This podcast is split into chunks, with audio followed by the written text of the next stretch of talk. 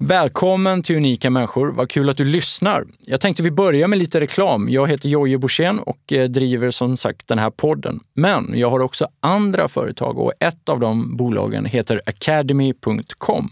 Och Academy.com är en kursplattform där vi gör kurser inom sport, hälsa och wellness. Och eh, du kan ta dem när du vill och på vilken eh, enhet du vill. Som lyssnare av Unika människor så har du 30% rabatt med koden UM. Så gå till academy.com och aktivera koden och köp din första kurs. Okej, slut på reklam. Nu, nu kör vi.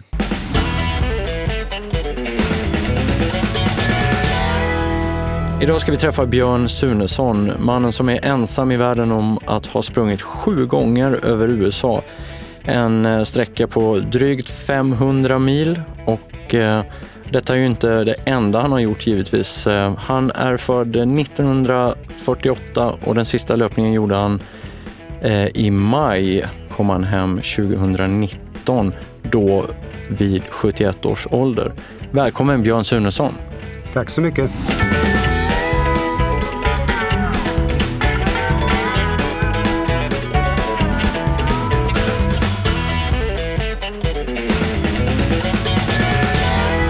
Björn Sunesson, det är ju ganska imponerande att vid den åldern, om man ändå får säga, inte gammal, men eh, du har levt länge, sprungit din sjunde gång över USA nu sommaren 1900, eller förlåt, 2019. Hur känns det? Hur mår du? Eh, jag tycker att det senaste löpet jag gjorde då i år var egentligen inte svårare än det första då jag var 59 år, så det känns bra. Det känns bra ändå. Mm. Ja.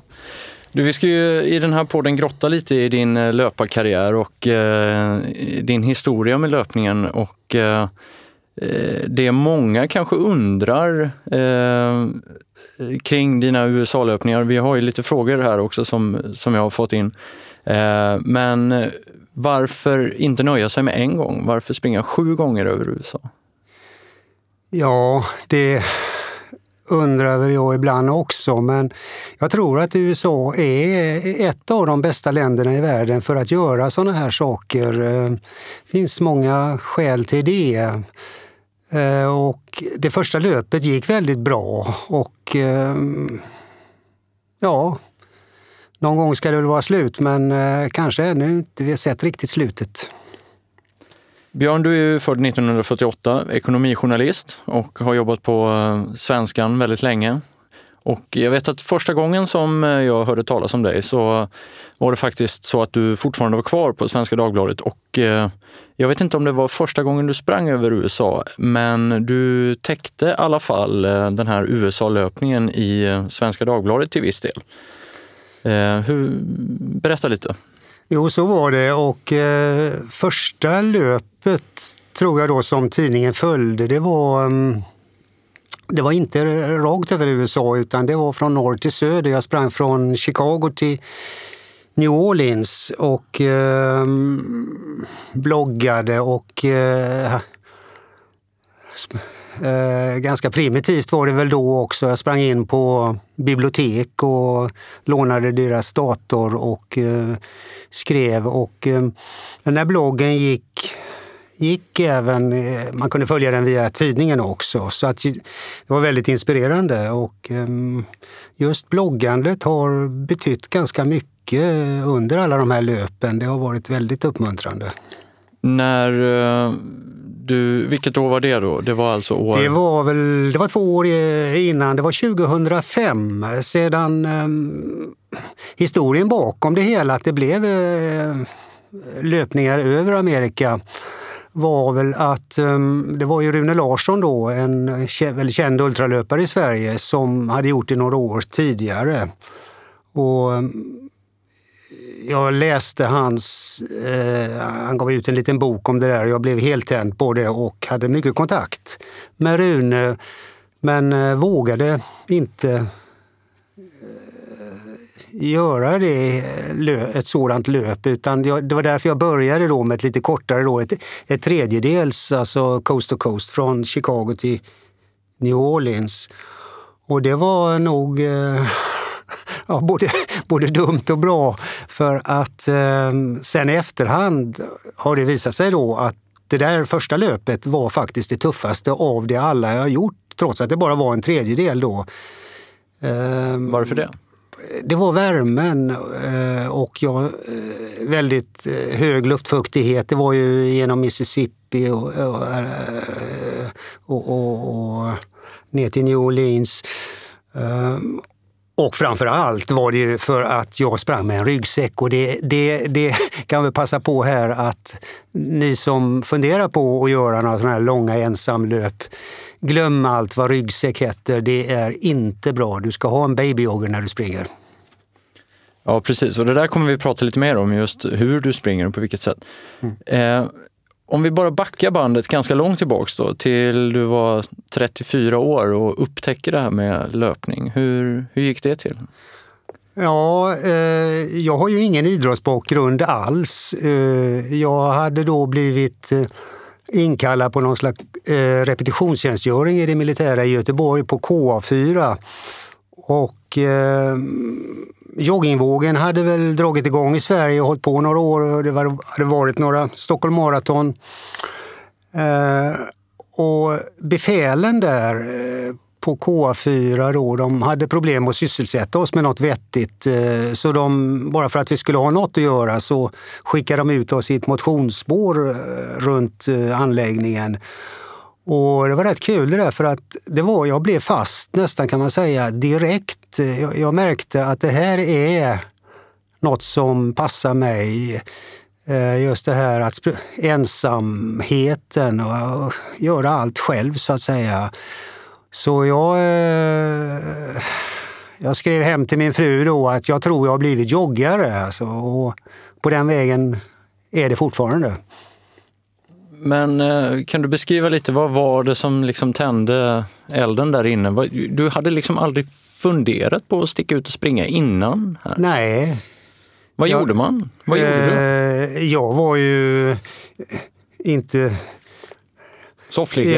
Ja, jag rökte och snusade och hade väl eh, två, två bilar och eh, tog inte många steg men eh, särskilt ohälsosamt liv var det väl inte ändå men, men eh,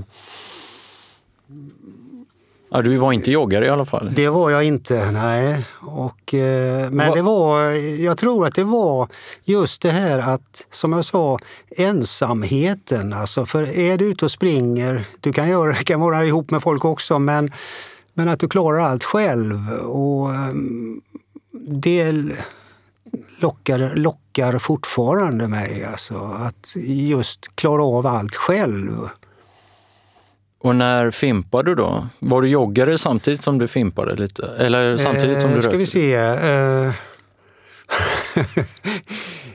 ja, hur var det med det där? Jag, eh, ja, ja, jag blir osäker. Ja. Eh, jag fimpade nog först och, och, och sen blev joggare. Ja. ja tror, ja, tror okay. att det var. Ja. ja. Men... Um och sen då gick åren och, och, eh, du sprang, men det dröjde ganska länge innan du sprang ett maraton eller på något sätt eh, blev lite mer så här, ja, springa lite snabbare? Ja, eh, jag sprang, eh, mitt första maratonlopp eh, tror jag det var 1983 uppe i Höga Kusten, alltså eh, söder om Örnsköldsvik.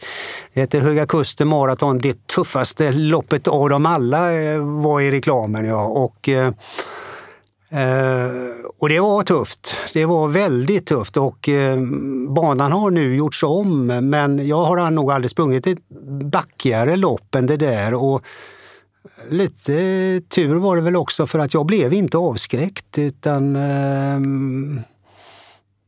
jag gjorde 3.45 tror jag på det där loppet och sen blev det kort. Sen blev det en hel del kort efter detta. Men eh, du har ju sprungit snabba maraton också och eh, egentligen eh, du har något personligt rekord där. Jag läser från din, eh, din eh, väldigt välskrivna blogg. Du har sprungit 2.51. Ja. Söderhamn 91. Ja, men jag, jag, jag klassar mig som en motionslöpare, alltså, eller motionselit då kan man väl säga.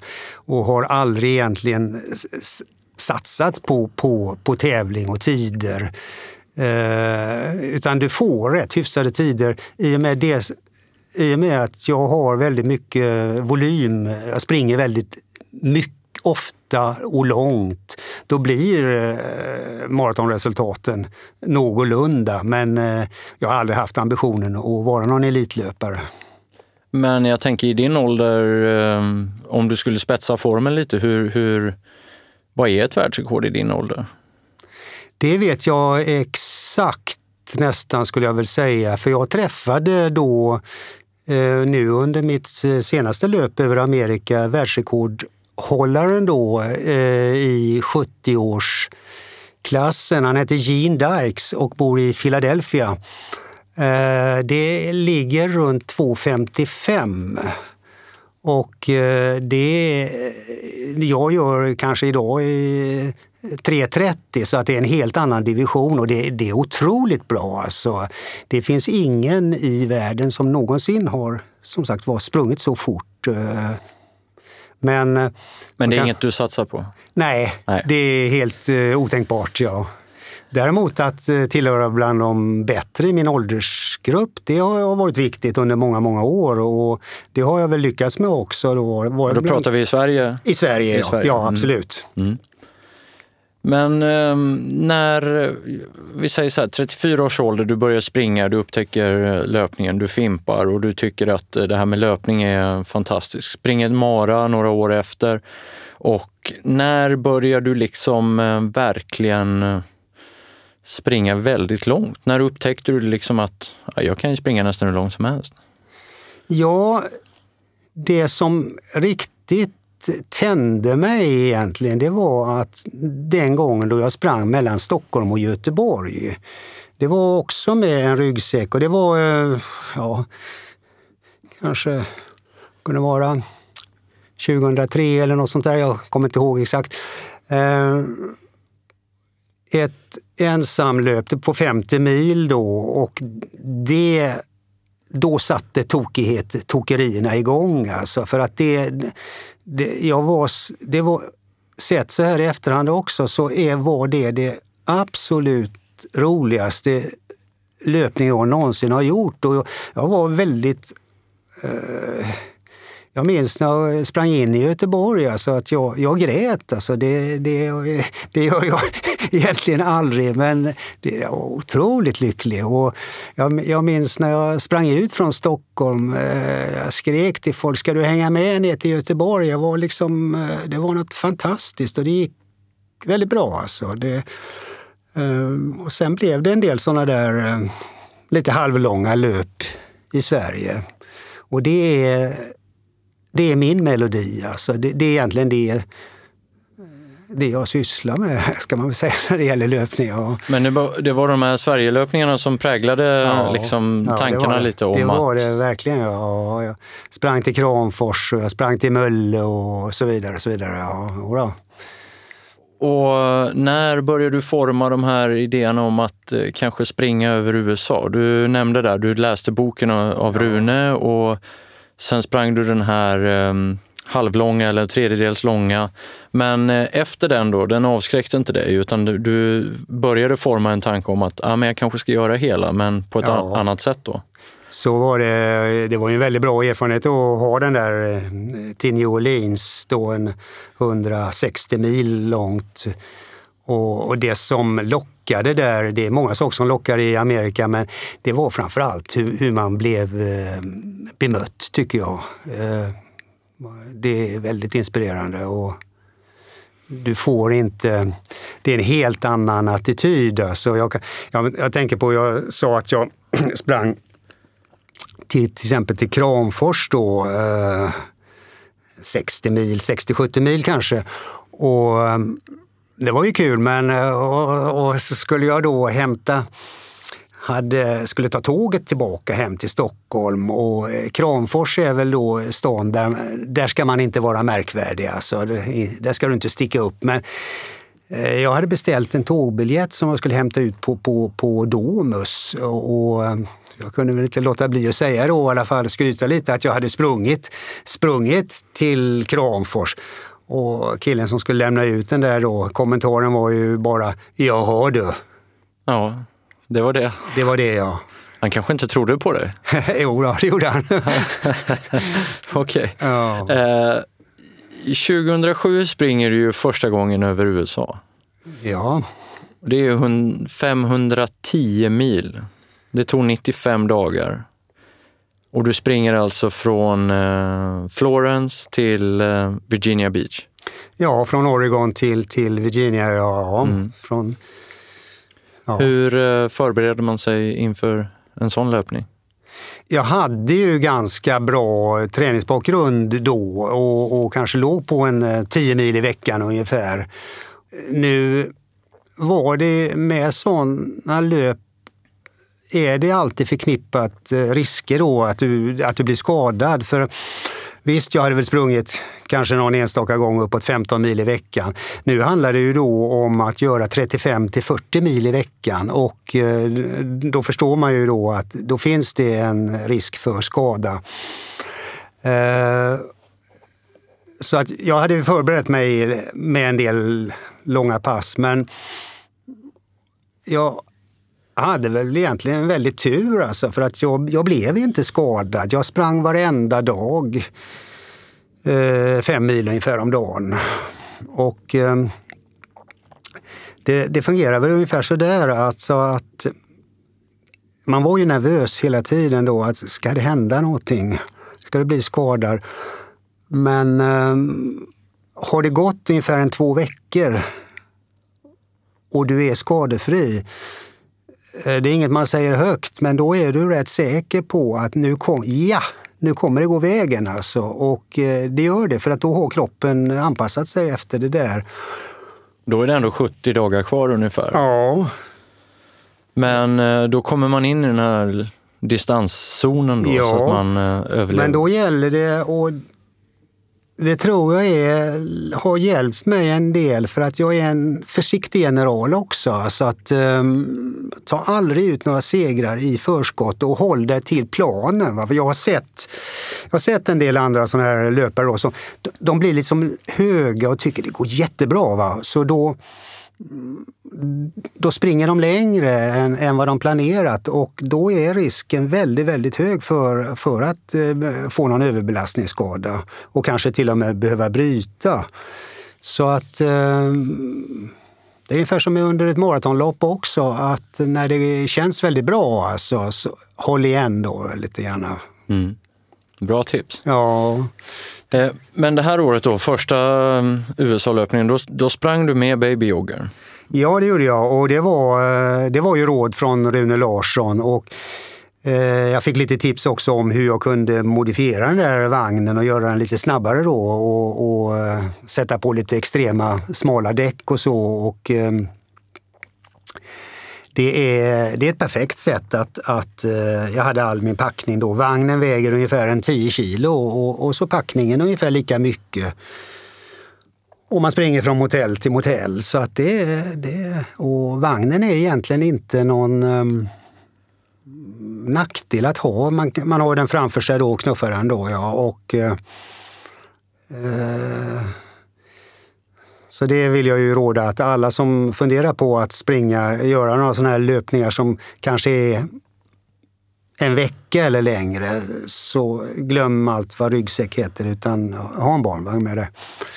Men den uppenbara frågan blir ju givetvis trafiken och trafikfara och liknande. Ja. USA kanske inte är känd som den mest förlåtande i alla avseenden. Nej, och, och eh, i, i början, det är väl egentligen under senare löp jag eh, har, har fattat att egentligen att jag utsätter mig för för stora risker och trafiken är, är Eh, eh, är en väldig risk. Alltså. Och nu senast så var jag ju lite skraj. Alltså. Jag tycker att det var, det var för mycket trafik. Så, alltså en, en stad på 30-40 000 invånare bara alltså, utanför där. Det, det är alltså mer värre än värsta Stockholm alltså egentligen. Och, och vägarna är ju, infrastrukturen är ju generellt något sämre tycker jag eh, än i Sverige. Och, och allt det där som med gångbanor och cykelbanor och sånt, det existerar knappt alltså.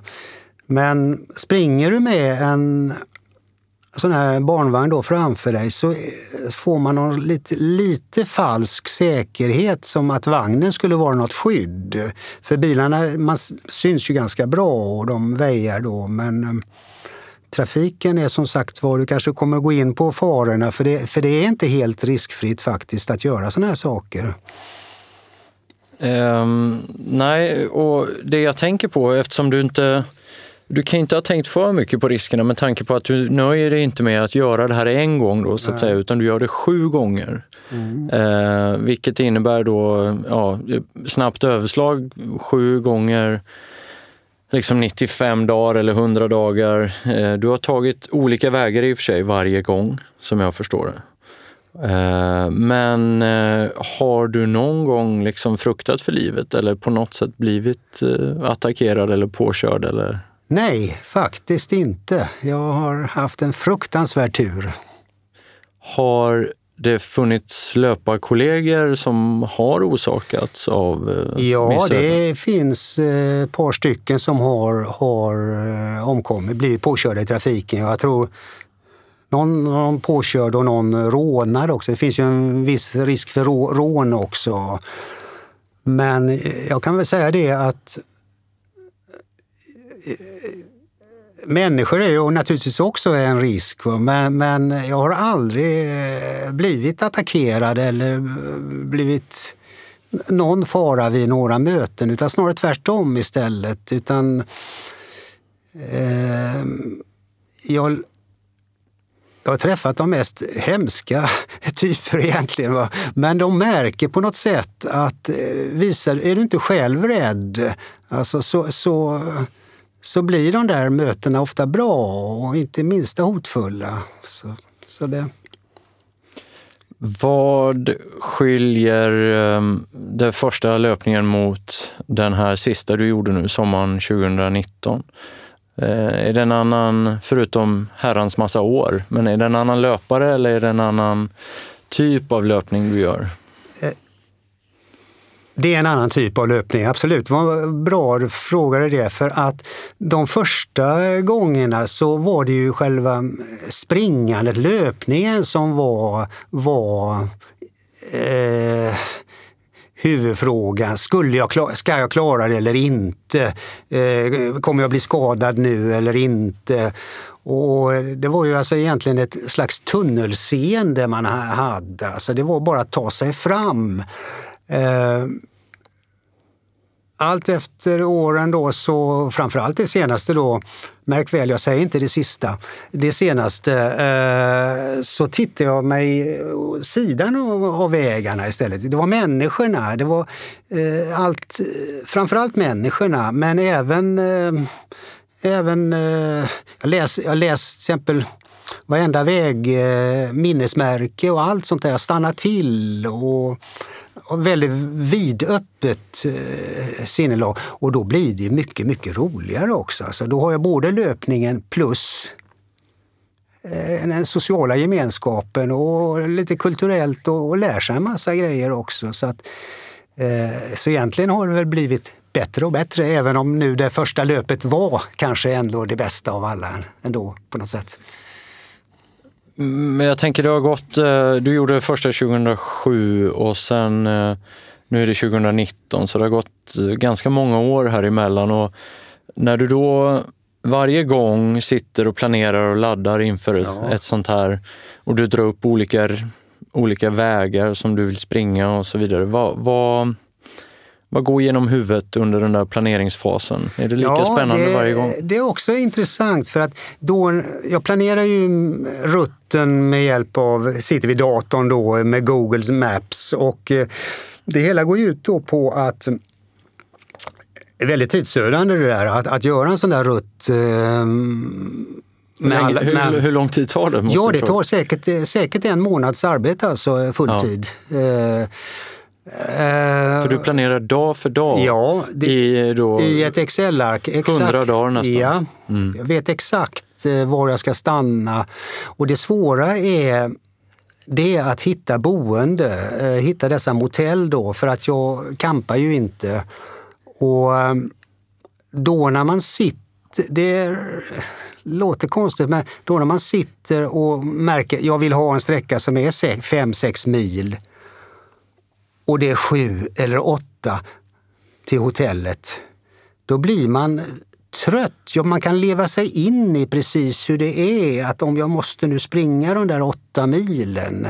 Så att det är jobbigt alltså. Och, och när, det, när motellen ligger på rätt avstånd, då, då går planeringen väldigt lätt och är kul. Va? Så att man, och man går ner med den här gula gubben då och kan se så att det är nästan som att man eh, genomför eh, löpningen på hemmaplan när man sitter där vid datorn. Men, men är det så att du måste liksom gå tillbaks långa sträckor för att då rutta om så att säga? Ja, för att, oh ja, oh ja. För det, det finns... Um, man det, det hela går ut på att försöka hit, hitta den kortaste vägen på något sätt mellan de här två orterna, eh, start och mål. Men eh, oj, oj, oj vad massa alternativa vägar man tar. Eh, och, så att det är motellen som styr mycket.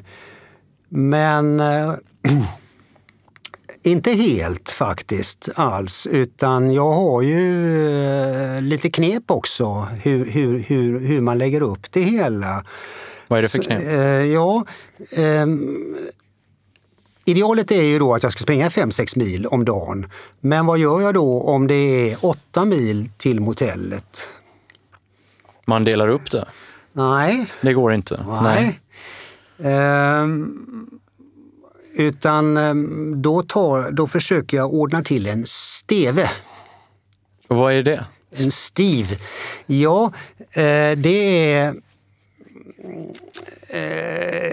jag ska göra en lång historia kort här. Alltså, eh, det var under ett av löpen i Montana då, så var det väldigt långt. Det var eh, åtta mil till motellet och jag hade kontaktat då en motellägare då i en liten stad att han, skulle, han lovade att komma ut och hämta mig i sin bil när jag hade sprungit sex mil eller något sånt där. Mm. Mm. Och denne motellägaren han hette Steve. Men Steve kom ju aldrig. Utan jag fick ju då eh, springa hela vägen till hans motell och var ursinnig då när jag väl kom fram och så vidare. Och hade en liten press på honom nästa dag för då hade jag också en sån där lång, lång löpning. Och ehm, då gav han mig då det, eh, då sprang jag mina 5-6 mil och han kom och ut och hämtade mig och körde tillbaka. Så att jag kallade det för, för en Steve alltså. Och nu skulle man ju kunna tro då att Steve och jag var, är ovänner, men um, vi är vänner på Facebook och han är en av mina största supportrar och Jaha. försöker locka mig tillbaka till Montana igen. Uh, men just det att när det är så där långt så får du försöka då att uh, att eh, få någon att komma ut och hämta dig i bil och köra tillbaka till motellet och sen nästa dag köra ut dig exakt där du slutade. För att jag har inte, det kan jag säga här, här i ärlighetens namn, jag har inte fuskat en meter utan det är... Mm, jag har sprungit hela sträckan men, men inte men, eh, så att säga fått den här hjälpen då, körhjälpen. Och hur reagerar de här motellägarna då när du kontaktar dem och vill? Ja, det, nu, eh, ofta är det privatpersoner som jag får hjälpen av eh, och inte motellägarna för de har för mycket att göra, de kan inte göra sånt. Men, eh, Men hur raggar du folk till det där? Då? Ja, det, det är... Det är det här låter ju som ett heltidsarbete. det kan det, det vara. Det... det... kan det vara. Och eh, jag kan väl berätta om den mest märkliga då, sån här raggning av folk. När jag försökte ordna en Steve då eh, i Utah. Där jag springer upp i bergen och eh, förstår att den här vägen kan jag inte fortsätta på eh, in i Wyoming för att vägen kommer att vara stängd. Den var så högt och det är, den är snö, eh, snö på vägen utan den öppnas ju då eh, efter sommaren. Men jag fortsätter ändå att springa och kommer då till en liten stad uppe i bergen där och en liten restaurang och säger inte ett ord och ortsbefolkningen då börjar undra vad det är för figur som, som sitter där vid bordet och blir lite nyfikna och kommer fram och frågar. Oh, well, I have a small problem. Um, och uh, jag frågar om de jag ska ju springa över här till Wyoming om de kunde hjälpa mig på något sätt och köra mig med, med en snöskoter över fjället. Ja, då gick de tillbaks till sitt bord och överlade lite grann och sen kommer de tillbaka och, och ja, det lovade de att göra. Och så blev det också då att jag fick en skjuts där fuskade jag ju faktiskt då. Där sprang jag ju faktiskt inte där riktigt. Men, så jag fick en skjuts med en snöskoter av, av vagn och mig själv. För det var stängt helt enkelt? Ja, det var stängt. Ja, det, det, gick, det gick, gick inte. inte. Nej. Nej. När du pratar om att uh, du springer hotell, eller motell till motell sådär, ja. uh, så blir ju nästa fråga då, men det låter dyrt att bo 100 dagar, springa 100 dagar, eh, motell till motell och så här. Och vad, vad kostar ett sånt här äventyr över USA om man skulle I, göra en höftad budget sådär? Ja, mina har ju varit dyra. Eh, det har säkert det är över 100 000 kronor kostar det och det är, det är boendet då som är det dyra. Och eh, jag har väl valt ganska bra också boende så att jag har inte snålat. Jag har haft råd med det, med det då. Eh, det har varit lyxen faktiskt. Eh, det är ju väldigt enkla löp, löpningar det här och enkelt levande och så men lyxen har ju varit boendet och det, det har för mig varit rätt viktigt för att jag under då jag har alltid sett fram, varje dag sett fram emot att löpningen ska vara över och ska komma fram till det där fina hotellet och få vila och äta bra mat och, och, och så. Ehm, kan till exempel Rune Larsson då, han, vi har ju liksom lite annan filosofi då. Han, han gillar ju då det enkla. Eh, nästan, nästan ju sämre motellet är och om de har en skylt med Color TV eller något sånt där utanför. Mm, eh, så attraheras han av det. Eh, och han kampade ju en del också. Så att det behöver alltså, det behöver inte vara du kan säkert halvera kostnaden skulle jag tro. Men, men att undvika motell och bara kampa, det, det, det... Det är inte för dig? Nej, och det går knappt heller tror jag. Och vad är det, det första du gör när du kommer fram då till det här stället efter en dag, fem mil på vägen och stekhetta? Och... Ja. nu, nu ler du lite och ja. det låter nästan som du minns dig tillbaks. Ja, det är det är ju, ja först när man kommer in, det är, det är en liten procedur man gör när man kommer in på ett sånt här hotellrum. Man tänder alla lampor, tappar upp, eh, om det nu är badkar, eh, tappar upp badkaret. Eh, Dricker något kallt? En öl? Ja, ja tar, lägger, sig, lägger sig i badet och, och, tar, och tar en kall Coke och en Snickers. Det är livet det. Det är livet? Ja. ja.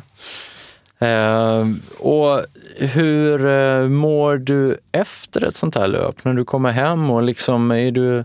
Jag kan tänka efter... Det finns flera frågor där. För det första är att du har spenderat väldigt mycket tid ensam och tänkt väldigt mycket själv och du har rutiner och du har liksom ett planerat schema och sen kommer du hem till...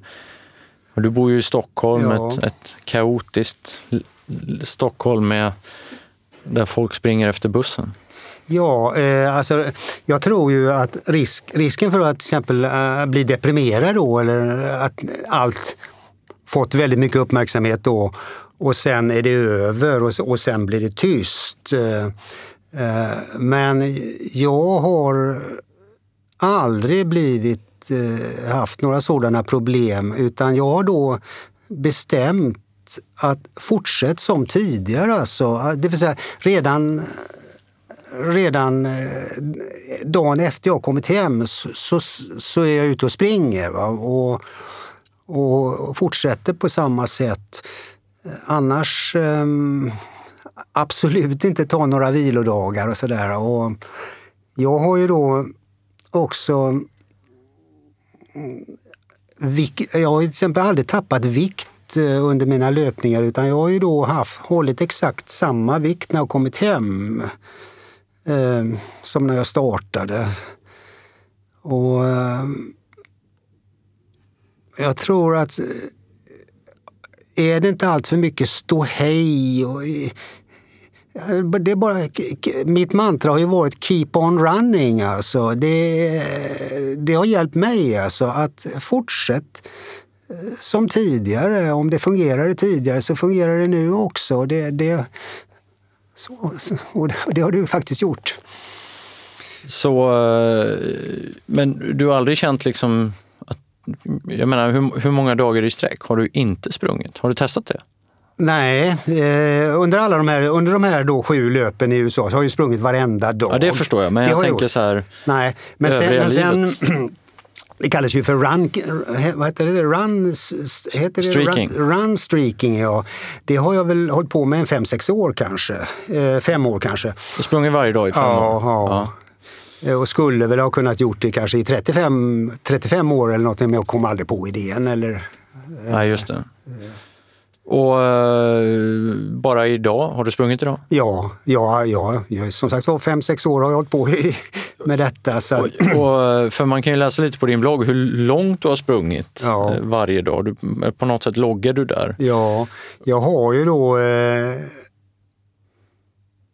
jag tillhör dem som, som har sprungit längst i Sverige men inte längst. Alltså, Rune Larsson till exempel, som jag har talat om här, då, han har eh, han har sprungit längre än jag totalt sett. Jag har snart fem jordevarv tror jag. Det är 20 000 mil ungefär. Va? Och jag har kanske 15 15 år med minst eh, 500-600 mil, 500 mil eh, om året.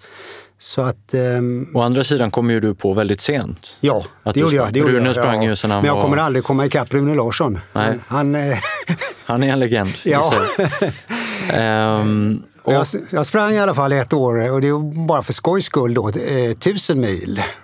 Ja, bara för skojs skull? Ja. ja. Eh, det är alltså snitt på tre och en halv om dagen ungefär? Det blir väl ungefär 20, 20, 20, ja, 20 mil i veckan ungefär. Och då gjorde jag rätt grundlig research och kollade då eh, eh, om det var no det året var det ju ingen som hade sprungit så långt. Men det är, det är ovanligt att folk har kommit över tusen mil. Men, men visst, det finns de som har gjort det. Men Sprang du tusen mil bara för att prova eller för att... Ja, bakgrunden var ju att jag hade ett USA-löp i bakgrunden och då har man ju 500 mil gratis så att säga. Ja, just det. Precis. Men, och så eh, adderar du 500 till ja, och så kom du upp i 1000. Ja. Eh, men vad är de vanligaste distanserna du springer när du är hemma så här, bara en vanlig jogg? Ja, aldrig under 10 mil i veckan. Eh, det är, väl, det är väl ovanligt. Men jag ligger på 10-15 mil i veckan ungefär. Och du, jag vet, för jag mötte ju dig när jag cyklade hem från jobbet. Det var ju första gången vi träffades. Och då var du på väg ut till ett eh, Friskiscenter ute i Tyresö. Mm. Så du har lite projekt när du springer. Ja. Du springer inte bara runt i någon form av ja, bara mysjogger ut så här, utan du springer till någonting, gör någonting och sen springer hem. Ja, det är, det är små utflykter, lite upptäcktsresande sådär. Då hade jag något att jag skulle springa till varenda Friskis och Svettisanläggning i Stockholms län. Jag har väl snart betat av allihopa, men jag har några kvar. Vilka har du kvar? Då? Har de längsta. Ut i, I Norrtälje. Norrtälje, ja. Södertälje eh, har jag också eh, kvar. Men jag, jag, har tagit norr, jag har tagit Nynäshamn, men några har jag kvar. Du sprang till Nynäshamn då en dag? Ja. Och så åkte du tåget hem? Ja, fast det var väl inte riktigt sant. Jag tog eh, pendeln en bit också, så att det är för långt. Alltså. Ja, det är för långt. Mm. Ja. ja. För du vill hålla dig inom det där 50 kilometer ungefär? Ja, ungefär. 40? Ja. ja. Okej. Okay. Eh, skulle du rekommendera, eh, du har ju fem barn Björn, ja. skulle du rekommendera något av dina barn att springa över USA? Du, jag har aldrig, aldrig sagt till några av mina barn att de ska eh, springa. Men ändå så har väl de flesta gjort det eller gör det. Ja. Så att eh, jag tror inte att det är någon bra, bra idé att försöka pusha på dem, utan de, de ser... Men en rekommendation? Nej. Rekommenderar du någon att springa över USA? Ja. Men inte dina egna barn? Nej, det låter väl lite konstigt, men man, Nej, jag tror att det ger sig själv det där. Alltså att de, eh, om de ser att jag tycker det är roligt så prövar de också. Men inte på grund av eh, farorna eller inte på grund av Nej. några sådana anledningar Nej. att du inte skulle rekommendera det? Än så länge så är pappa bäst av barnen på mara, maraton i alla fall. Men, men de slår mig på 10 000 meter. Ja, just det. Just det. eh, ja. Hur, eh, genom de här åren då som ultralöpare och framförallt då de här sju löpen över USA, hur, eh, hur har uppmärksamheten kring dig som löpare och person varit? Den har ju varit det har ju varit en drivkraft eller stimulans. För hade det varit helt tyst så hade det blivit... Jag gör ju det här för mig själv. Alltså. Jag tjänar inte en krona på mina eh, löpningar och har inte haft några planer på att göra det heller. Men, men uppmärksamheten har ju varit eh, stor och även under de där första åren då bloggen gick i Svenska Dagbladet så var det en väldig hjälp också. Och mm, jag har ju bloggat då eh, i princip, skrivit varje dag egentligen och haft väldigt, väldigt, väldigt mycket läsare på bloggen. Och mycket skriverier i Amerika, alltså det har det varit, alltså lokaltidningar har ju, jag har aldrig sökt, jag har aldrig, faktiskt egentligen aldrig sökt publicitet. Eh, jo, någon gång har jag väl gjort det, kontaktat någon sån här tv-kanal och sådär. Det kunde vara kul att vara med och men eh, väldigt mycket uppmärksamhet i USA, men jag vet inte, märkligt nog, men inte så mycket under senare år i Sverige faktiskt. Och, de stora tidningarna, jag har inte kontaktat dem, men eh, de um, jag har inte, så jag är, jag är alltså en rätt, rätt okänd person alltså i Sverige, det är jag. Mm. Eh, utanför löparkretsar förstås. Vad, vad tänker du om det? Vill du, vill du vara mer känd eller vill du... Ja, det är bra som det är. Det är bra, det, som, det är bra det. som det är, ja. ja. det tycker jag. För det är inte så här att Nej. du är ute och föreläser om det eller du pratar inte så... Nej, jag har väl hållit en del föreläsningar sådär. Och det, det har jag kanske tänkt att jag kanske skulle ha det mm, kanske marknadsföra mig lite grann på det där. För att, inte för att eh, i så fall föreläsningar som, som är gratis alltså, och föreläsningar till, till till eh, likasinnade, alltså eh, idrottsföreningar och sådär. Alltså kanske komma till någon, eh, något årsmöte eller något och berätta lite grann. Eh, det lockar mig lite, men jag vill liksom inte bli betraktad som någon kuf. Alltså det, jag är ju en kuf naturligtvis, det, det är jag väl. Men, men, men alltså som någon jädra stålfarfar eller något sånt där. Det, ja, ja. Var... det tycker jag inte att, det vill jag inte se mig som. Och... Men du är en vanlig människa ja, som gillar att springa? Ja, ja, det är jag faktiskt. Och, och, och, just det här, jag tycker det har varit skönt också att jag aldrig behövt um, försöka tjäna pengar eller, eller eh, på löpningen eller, eller, eller eh, onormal uppmärksamhet heller. Utan det, det, är en privat grej jag gör. Alltså, så. Mm. Ja, för jag tänker, det finns ju andra spektakel som har sprungit över USA. Eller, ja, jag tänker på, du känner säkert vem Dean Karnazes ja. är som har, oh, ja. har gjort en multiindustri ja. av sig själv. Och, eh, ni är ju lite varandras motsatser om man säger så. Det kan man väl säga, ja. Eh, det var en liten eh, parentes bara. Eftersom han inte kan svenska så kan han inte besvara det här heller. Nej. Så, nej. Ehm, men du, jag tänker på det, du har varit ehm, du är journalist och eh, pensionerad sådan nu och har varit på ja. Svenskan under väldigt många år. Eh, Svenska Dagbladet. Mm. Eh, ekonomireporter och har du haft, jag tänker på den här researchen du gör innan, liksom när du ger dig iväg på de här resorna, har du haft någon nytta av din journalistiska undersökande ådra? Absolut, det har jag gjort. Och det, det har varit små jag har försökt på den här bloggen då att hålla de journalistiska principerna. Alltså, eh, eh, ingen reklam alls, till exempel. Och försökt vara, är jag kritisk så har jag försökt att, att höra ja, i enstaka fall bägge parter och så vidare. Och eh, jag har väl då försökt, jag, jag vill ju då liksom att läsarna ska kunna lita på att det jag skriver är så sant som det kan vara. Och eh, mycket av det här bloggandet har väl gått ut på att eh, jämföra Sverige med, med Amerika, alltså massa olika förhållanden. Hur, hur, hur, så funkar det i USA och så här är det i Sverige. Alltså skillnaderna. Och det har jag märkt då att eh, det, det är något som folk faktiskt är väldigt intresserade av och att man och så berätta om faktiskt hur, hur det är i Amerika, i, på landsbygden, i de små städerna. Alltså ställen som folk aldrig eh, har, har, har sett. Så fortfarande är ju alltså Amerika då ett ganska okänt land för oss svenskar, trots att vi numera, de flesta kanske har varit i Amerika någon gång. Ja, jag tänker många, många har ju varit kanske i New York eller ja, Chicago eller så, de stora städerna. Så, men, men, landsbygden känns som något helt annat. Ja, och, och det, är, det är väldigt stora skillnader. Alltså, eh, USA är kanske inte så rikt det är mitt intryck. Alltså, på pappret är USA ett rikare land än Sverige. Eh, men eh, när man är ute i verkligheten så får man inte den uppfattningen. Eh, det,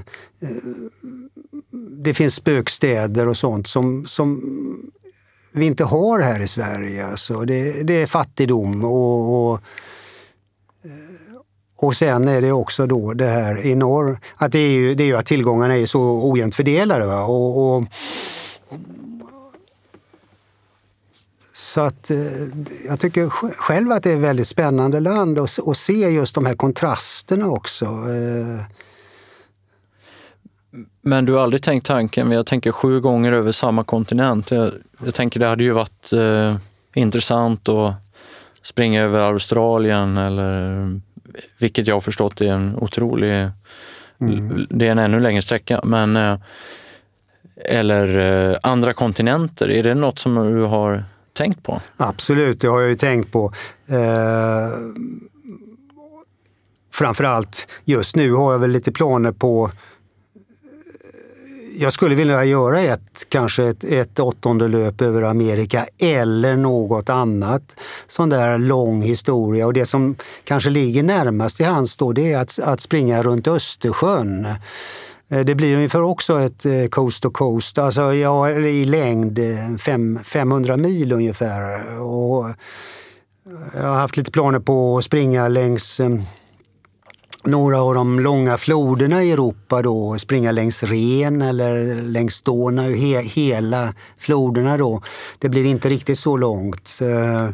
Men jag har pratat hemma med min fru om det där och vad man ska göra och så vidare. Men lik förbaskat så är det ändå det här USA som, jag vet, det är människorna. Det, är alltså, det, det finns en kärlek där. Ja, det gör det faktiskt. Och det, det, de är så entusiastiska och det som är så kul med, med, med Amerika det är att de där som, folk är inte det minsta sportiga och idrottsintresserade men vad de, de älskar ju att se någon som gör något till 100 procent. Mm. Just det. Och, det gör jag ju då, kan man väl säga. Eh, så oerhört generös. Jag, som sagt var, jag har inte stött på en enda otrevlig amerikan. Nej. Och det tycker jag är rätt fantastiskt. Alltså. Det är häftigt. Ja. Jag tänkte vi skulle prata lite om din ålder. Mm. Du är 71 år idag och du började springa din vid 35 ungefär, ja. Vid 35. Ja. Och eh, ditt första USA-löp var vid 59? Det stämmer, ja. Mm. Vad mötte du för um, reaktioner på uh, ja, din ålder och det du skulle göra, om man säger så, av människor i din närhet? Med tanke på då att du Många anses väl sig själva som liksom, lite så här, man går i pension eller man är på väg in i pension och eh, så, så droppar man bomben vid middagsbordet att man, nej, jag tänkte springa över USA. Vad säger folk? Ja, det bryr man inte så mycket om. Det är ingen som har sagt att du är idiot eller någonting. Men äh, vad man säger, det, det, det som är absolut nödvändigt när du planerar något sånt där, det är ju att du ändå får ha något slags stöd. Äh, I mitt fall då från min fru. Va? För att hade hon varit kritisk så hade det inte blivit någonting. Alltså. och jag är och hade jag då ändå försökt att göra det så jag är rätt övertygad om att det hade nog inte gått. Utan så att det gäller, det gäller att få med, få med eh, sina anhöriga på vagnen så att säga. Och annars går det inte. Men hur säljer du in det? Ja, Första gången? Det är, det är lite lurigt för att du kan inte bara säga det till, till min fru här i det här fallet att du ska springa, utan det får gå eh, lite pö om pö sådär. Och, ja, nu har jag tittat på den här rutten du och jag lite, lite sådär. Och till sist, när hon är med, ja, då är det klart. Då blir jag oerhört lycklig och eh, lugn. Mm. Och då förstår jag att det kommer att gå vägen. Just det, det är väldigt mycket psykologi i det hela, det, det är det faktiskt. Ja. Jag tänker, så ska du göra det där sju gånger då? Ja, så jag har ju börjat Men du kan inte komma hem, det är det sämsta du kan göra. När du kommit hem från ett sånt här löp och börjar tala om nästa. Det ja, får nej. man hålla tyst Precis. om några månader. det, men jag har väl börjat nu att eh, tala lite grann om planer och sådär. Ja. Mm. Men jag har inte fått något klartecken. Nej. En sak vi inte har pratat om, Björn, är ju det här med skor. För jag förstår att eh, du har ett megakontrakt, eh, sponsoravtal och hovar hem miljonerna av någon stor skoaktör. Visst är det så? Ja, visst är det så. Du. Det, nej, nej, nej, nej. Jag eh, har icke något eh, kontrakt utan jag jag har sprungit faktiskt i samma skomärke egentligen under alla, alla år och jag, jag tror att det, det är, jag är säkert en av dem som har sprungit flest mil, bland dem som har sprungit flest mil. Och, Vill du säga vilka det är? Ja, men om det... Om ja, de betalar det, jag har sprungit i Brooks, det är bara en tillfällighet och jag, jag vågar inte påstå att de skulle vara bättre än några andra men de har, har funkat för mig och då har jag fortsatt med, med, med dem. Men jag tänkte, jag kontaktade ändå det där företaget eh, för en tio år sedan eller någonting. Och, för de, de, har ju, de sponsrar ju personer ungefär som jag också då. Och trodde nog att jag kanske skulle kanske få ett sponsorkontrakt med dem. Ja. Men eh, nej, det fick jag inte. Och, eh, den snälla versionen var väl att jag var utlänning, utan de sponsrade bara amerikaner, sa de. Just det. Ha. Ja. Men eh, okej, okay, så ett, ett, par, men under en sån här lö, eh, löpning då, vad, hur många par skor gör du av med? Ja, den frågan som du ställer där. Det är det den vanligaste frågan? Det är den absolut den vanligaste frågan jag ja, får. Ja.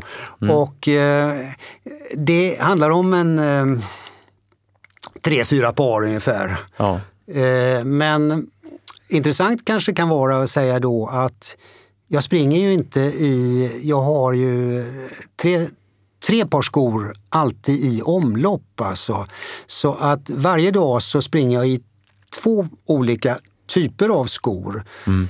Eh, och, eh, det vill säga de blir byggda på lite olika ja, sätt? Ja, och det där tror jag eh, kan man aldrig veta, men det tror jag kan vara en, en förklaring också till att det inte blivit några sådana här överbelastningsskador.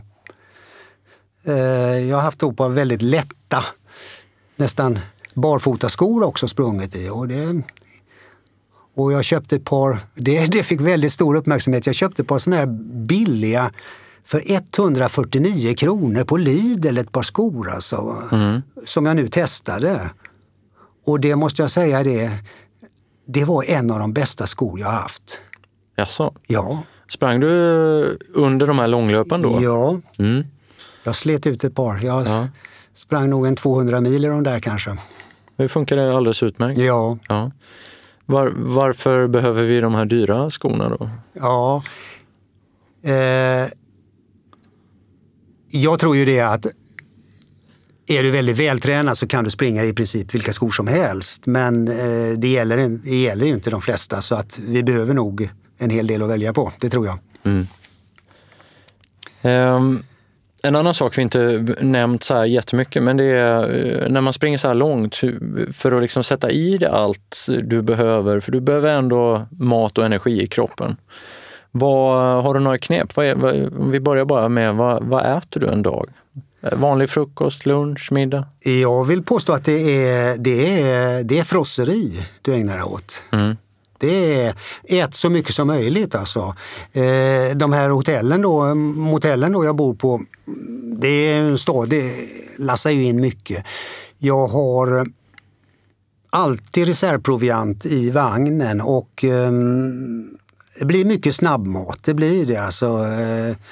Eh, eh, och då är det McDonalds är väl den kedjan jag besöker oftast då. Inte för, på grund av maten utan på grund av att de är Tillgängliga. Wifi och så vidare och mm. de är rätt snygga anläggningarna.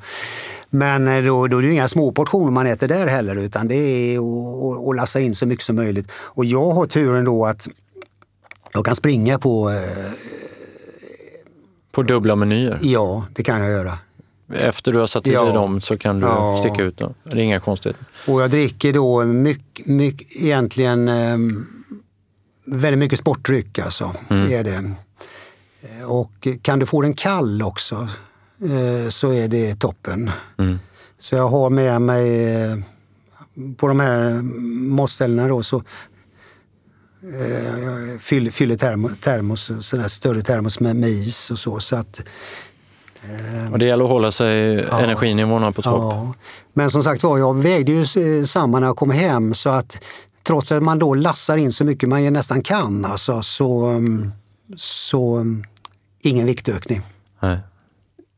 Ditt eh, senaste löp gjorde du bara, du är ju hemkommen för, ja, någon, jag avslutade i maj då. Ja. I maj ja. 2019 mm. och eh, det, jag läste den sista posten där du gjorde när du kom i mål. Eh, när du stack ner händerna eller fötterna i Atlanten då blev ja. det. Så var det ingen där som mötte dig utan det var bara business as usual? Var liksom... Ja, det var ju väldigt ovanligt. För tidigare har jag väl haft med barn, barn eh, eller, eller några bekanta så där, som har kommit och mött. Eh, nu av praktiska skäl gick inte detta den här gången. Så att det kändes ju då... Eh, jag hade ju förberett, jag visste att det skulle inte finnas någon där. Men samtidigt, det var naturligtvis trist egentligen. Det är för jäkligt att ha varit ute hundra dagar och sprungit och ingen, ingen, ingen, ingen noterar det. Men samtidigt så var det också, ja men eh, det är lite Härligt. Härligt också egentligen. Alltså att du, du är ju inte ledsen alltså ändå. Alltså. Utan jag tog och svepte en Gatorade där vid stranden. Och eh, sa inte ett ord till några som gick förbi där heller. Det var så... Men det, eh, jag tänkte ja. på det, någon måste, tog, tog, ställde du kameran på någon? Ja, jag är självutlösare. Jag självutlösare, tog bild, inte ens någon kunde ta nej, bilden nej, åt dig? Nej. nej. Så ensamt var det? Så ensamt var det, ja. ja. Och sen packar du ihop och jag menar, hur, sen ska du då till en flygplats och flyga hem. Packar ihop vagnen och sen flyger du hem ja. dagen efter? Ja. ja.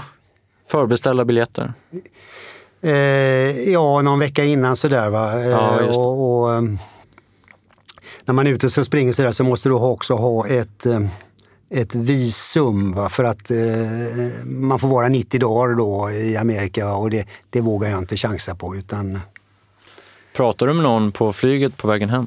Ja, eh, det, märkligt nog så är, är jag har flugit hem men vi har väl upplevt väl de här som sitter då i tullkontroller eller i immigration control eller vad det heter, som rätt tuffa typer sådär. Men när de frågar då vad jag ska göra och jag säger att jag ska springa över Amerika, då blir de väldigt intresserade. Även de alltså, mm. som ser miljontals människor. Jag får lämna visitkort till dem och, och så att ja. This guy can't be a terrorist. Ja. Ja, nej men eh, vad spännande. Och eh, babyjoggen har du haft med dig på varje eh, löpning. Ja. Och den har i princip varit samma? Jag har väl aldrig sprungit mer än två gånger ett löp med, med, med samma vagn, men det är samma typ av vagn. Samma modell? Och det, det är då... Ingen sponsrad vagn? Du nej, nej, köper den här. nej. Vill du nämna vad det är för vagn? Ja, den tillverkas inte längre. Det är en babyjogger som heter med väldigt stora hjul, alltså 20-tums eh, och oerhört lätt. Den väger 10 kilo som jag sa. Eh, Baby Jogger eh, Performance 25th Anniversary heter den och det skulle jag tro faktiskt är, är, är en, den bästa vagnen du kan ha för att den är just rullar så lätt. Mm. Och en oerhörd kvalitet.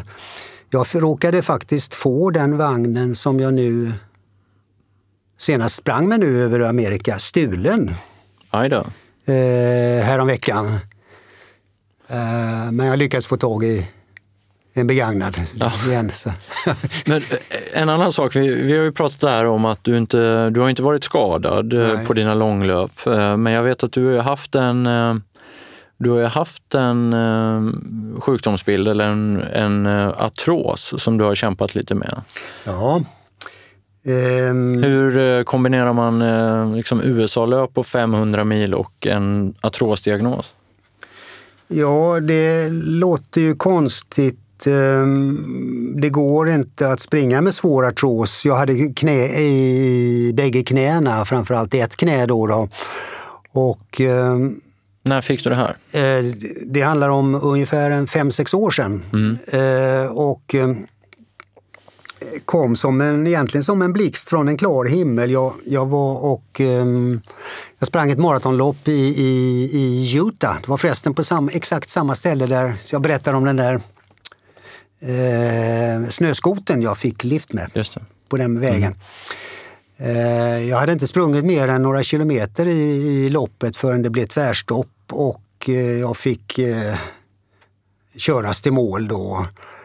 Eh, efteråt då så gjordes det då en sån här magnetröntgen och det konstaterades då att det var artros och jag var hos... Och då var det väl... höll i sig då, det var väl att jag knappt hade problem att gå till och med. Alltså det, springa var otänkbart. Och eh, jag var hos en löparläkare, då, en känd sådan som eh, Ja, han, han gav mig visst hopp, alltså 50-50 då, att det skulle kunna mm, eh, att jag skulle kunna komma tillbaka som, eh, och, och springa. Och mm, jag sa just löparläkare och han då eh, skickade mig då till en sjukgymnast som nog var väldigt kunnig på, på det här området. Och jag fick då ett antal övningar som jag skulle göra då på gym. Eh, som alla gick ut på eh, att, att eh, stärka alla muskler som, som har kontakt med knät. Alltså. Så jag satt i såna här då, eh, på gym då. Eh, och bensträck och benpress och, och lårcurl var det väl egentligen de tre maskinerna. Och träna och då eh, gick in som en idiot egentligen för det där och eh, var varje dag egentligen och träna och blev, har blivit väldigt, väldigt stark i, i benen. Och efter ett halvår, ett år, ja, ett halvår var det kanske, så eh, försvann det och eh, värkens försvann och kunde börja springa igen och Eh, efter det så har jag faktiskt då sprungit tre gånger över Amerika. Tre gånger och jag har inte haft en känning ens av några problem i, i mina knän. Och det där har ju då varit väldigt, eh, har intresserat väldigt många som har läst min blogg, för jag har skrivit en hel del om detta eh, folk som har då liknande problem. Så att jag blir ju rätt ofta kontaktad då av människor att eh, har du fortsatt med de här övningarna? Ja, det gör jag faktiskt. Ja. Jag är nästan, nästan, eh, jag sa att jag är runstreaker hette det väl jag, men jag är nästan gymstreaker också. Så att jag är nästan varje dag på gym också och gör det där. Alltså. Mm. Uh, och det är, det är tuffa övningar eller är det, är det kontinuiteten som räknas? Det är väl räknas? kontinuiteten men, men väldigt höga alltså maxvikter också så att en del mm. av de där maskinerna eh, tar jag då maxvikten på. Alltså. Mm. Och, eh, jag kan, det var ju väldigt roligt då för den här läkaren också då som när jag då efter diagnosen artros hade då eh, satt min fot i Atlanten.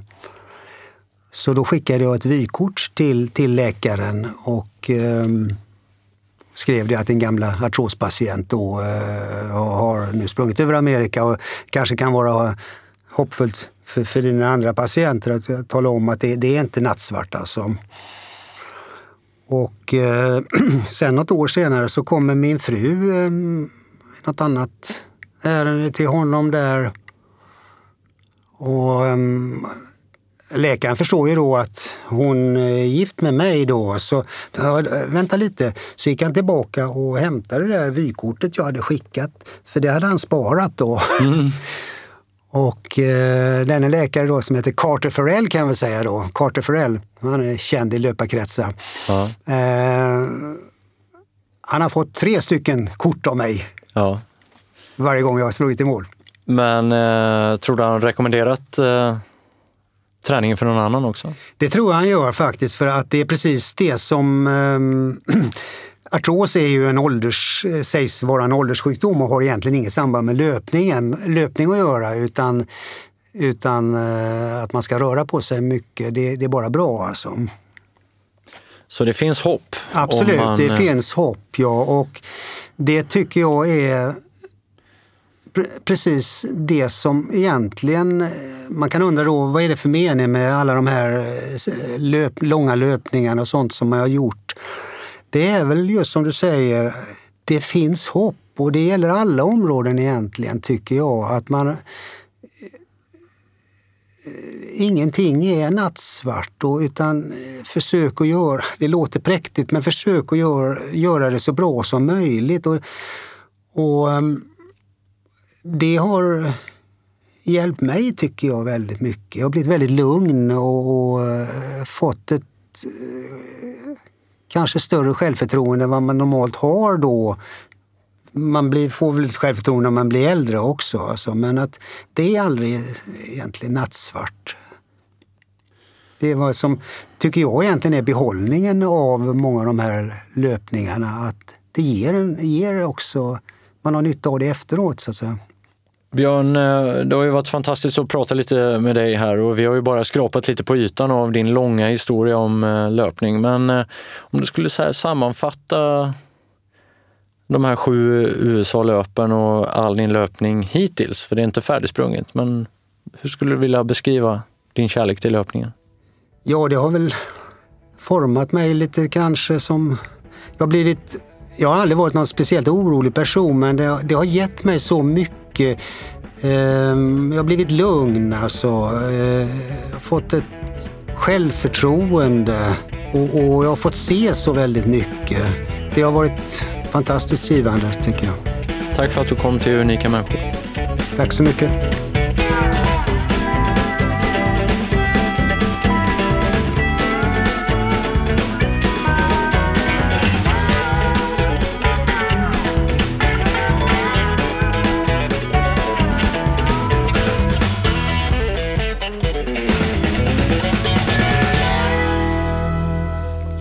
Jag låter så tråkig. Jag vet Men då har vi skrapat lite, det var väl roligt. Vi ska ta någon bild också ja. och sen uh, ska jag skynda och hämta på dagis. Om du vill, om du vill, alltså, om du vill ta något från bloggen så är det ju helt ja, klart. kan jag göra det Ja, också? absolut. Ja. Så ska vi ta, ja. ja. men då kan jag ta det där istället för det är roligare att säga det i, i Jag tycker så. nästan det, ja. ja. Absolut. Men tack så jättemycket Björn. Ja, Det blir spännande nu. granatäpple, den var god. Ja, tack.